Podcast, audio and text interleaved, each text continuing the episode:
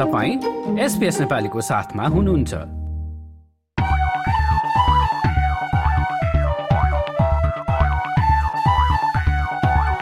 अस्ट्रेलियाभर छरिएर बसेका नेपाली समुदायमा के के कार्यक्रम हुँदैछन् त?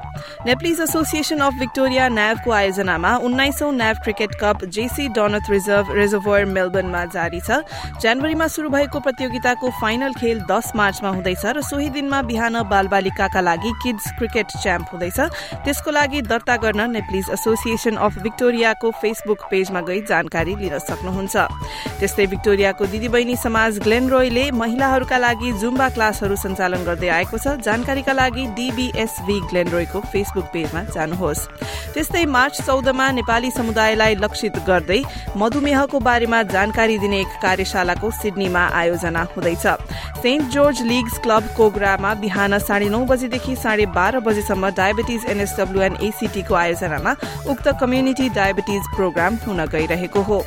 अस्ट्रेलिया नेपाल पब्लिक लिंक एएनपीएलले वाटर सेफ्टी अर्थात पानीमा कसरी सुरक्षित सुरक्षित रहने भन्ने विषयमा जानकारीमूलक कार्यक्रम गर्दैछ।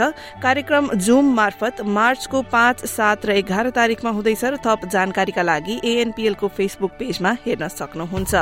त्यस्तै गरी यता विक्टोरियामा वृष्टि गणेश मन्दिरमा मार्च महिनामा सामूहिक यही कार्यक्रम हुँदैछ। यसै गरी association of Nepal Terai and अस्ट्रेलियाले Holi Hungama कार्यक्रमको आयोजना गर्दैछ। तेइस मार्च सन् दुई हजार चौबिसमा र उक्त कार्यक्रमबारे थप जान्नका लागि एन्टाको फेसबुक पेजमा जान सक्नुहुन्छ। यसै गरी गैर आवासीय नेपाली संघ अस्ट्रेलियाको आयोजनामा हार्मोनी कप सन् दुई हजार चौबिसको आयोजना हुँदैछ। मार्च महिनामा शुरू हुने उक्त प्रतियोगितामा cricket football volleyball table tennis र स्विमिङ लगायतका खेलहरू आयोजना हुने बताइएको छ। होली महोत्सवका कार्यक्रम पनि अस्ट्रेलिया भर नै हुन गइरहेका छन्। साउथ अस्ट्रेलियामा मिचल पार्कमा पच्चीस मार्चमा ब्रिस्बेनमा सत्र मार्चमा र मेलबर्नमा चौबिस मार्चमा जात्रा इन मेलबर्न हुँदैछ। एडिलेडमा बस्नुहुन्छ र तपाईँको पासपोर्टको म्याच सकिन लागेको छ भने चाहिँ नेपाली राजदूतावास क्यानब्राले पासपोर्ट नवीकरण गर्नका लागि घुम्ती सेवा सञ्चालन गर्ने भएको छ। जस अन्तर्गत एडिलेडमा अप्रेल पाँचदेखि दसका बीच टोली त्यहाँ पुग्ने बताइएको छ। थप जानकारीका लागि नेपाल एम्बेसीको वेबसाइटमा जान सक्नुहुन्छ। नव इङ्कको आयोजनामा पर्थमा नेपाली नयाँ वर्ष दुई हजार एक्कासीको कार्यक्रम हुन गइरहेको छ। तेह्र अप्रेलमा यसै गरी सिडनीमा नई एकाडेमीले आर्ट्स कम्पिटिसनको आयोजना गर्दैछ। शनिबार सत्ताइस अप्रेलका दिन हुने क्रिएट एण्ड कनेक्ट नाम दिइएको उक्त कार्यक्रममा पाँचदेखि पन्ध्र वर्षका बाल बालिकाले भाग लिन सक्नेछन् र थप जानकारीका लागि नई एकाडेमीको फेसबुक पेजमा जानुहोस्।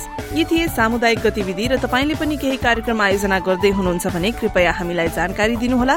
यसै गरी हामी रेडियो मार्फत श्रोताहरूलाई जानकारी गराउनेछौ। हामीलाई सम्पर्क गर्न हाम्रो इमेल ठेगाना रहेको छ Nepali dot program at SBS dot com dot AU वा फेसबुक एक्स र इन्स्टाग्राम मार्फत हामीलाई सम्पर्क गर्नुहोला। लाइक र कमेन्ट गर्नुहोस्। एसपिएस नेपालीलाई फेसबुकमा साथ दिनुहोस्।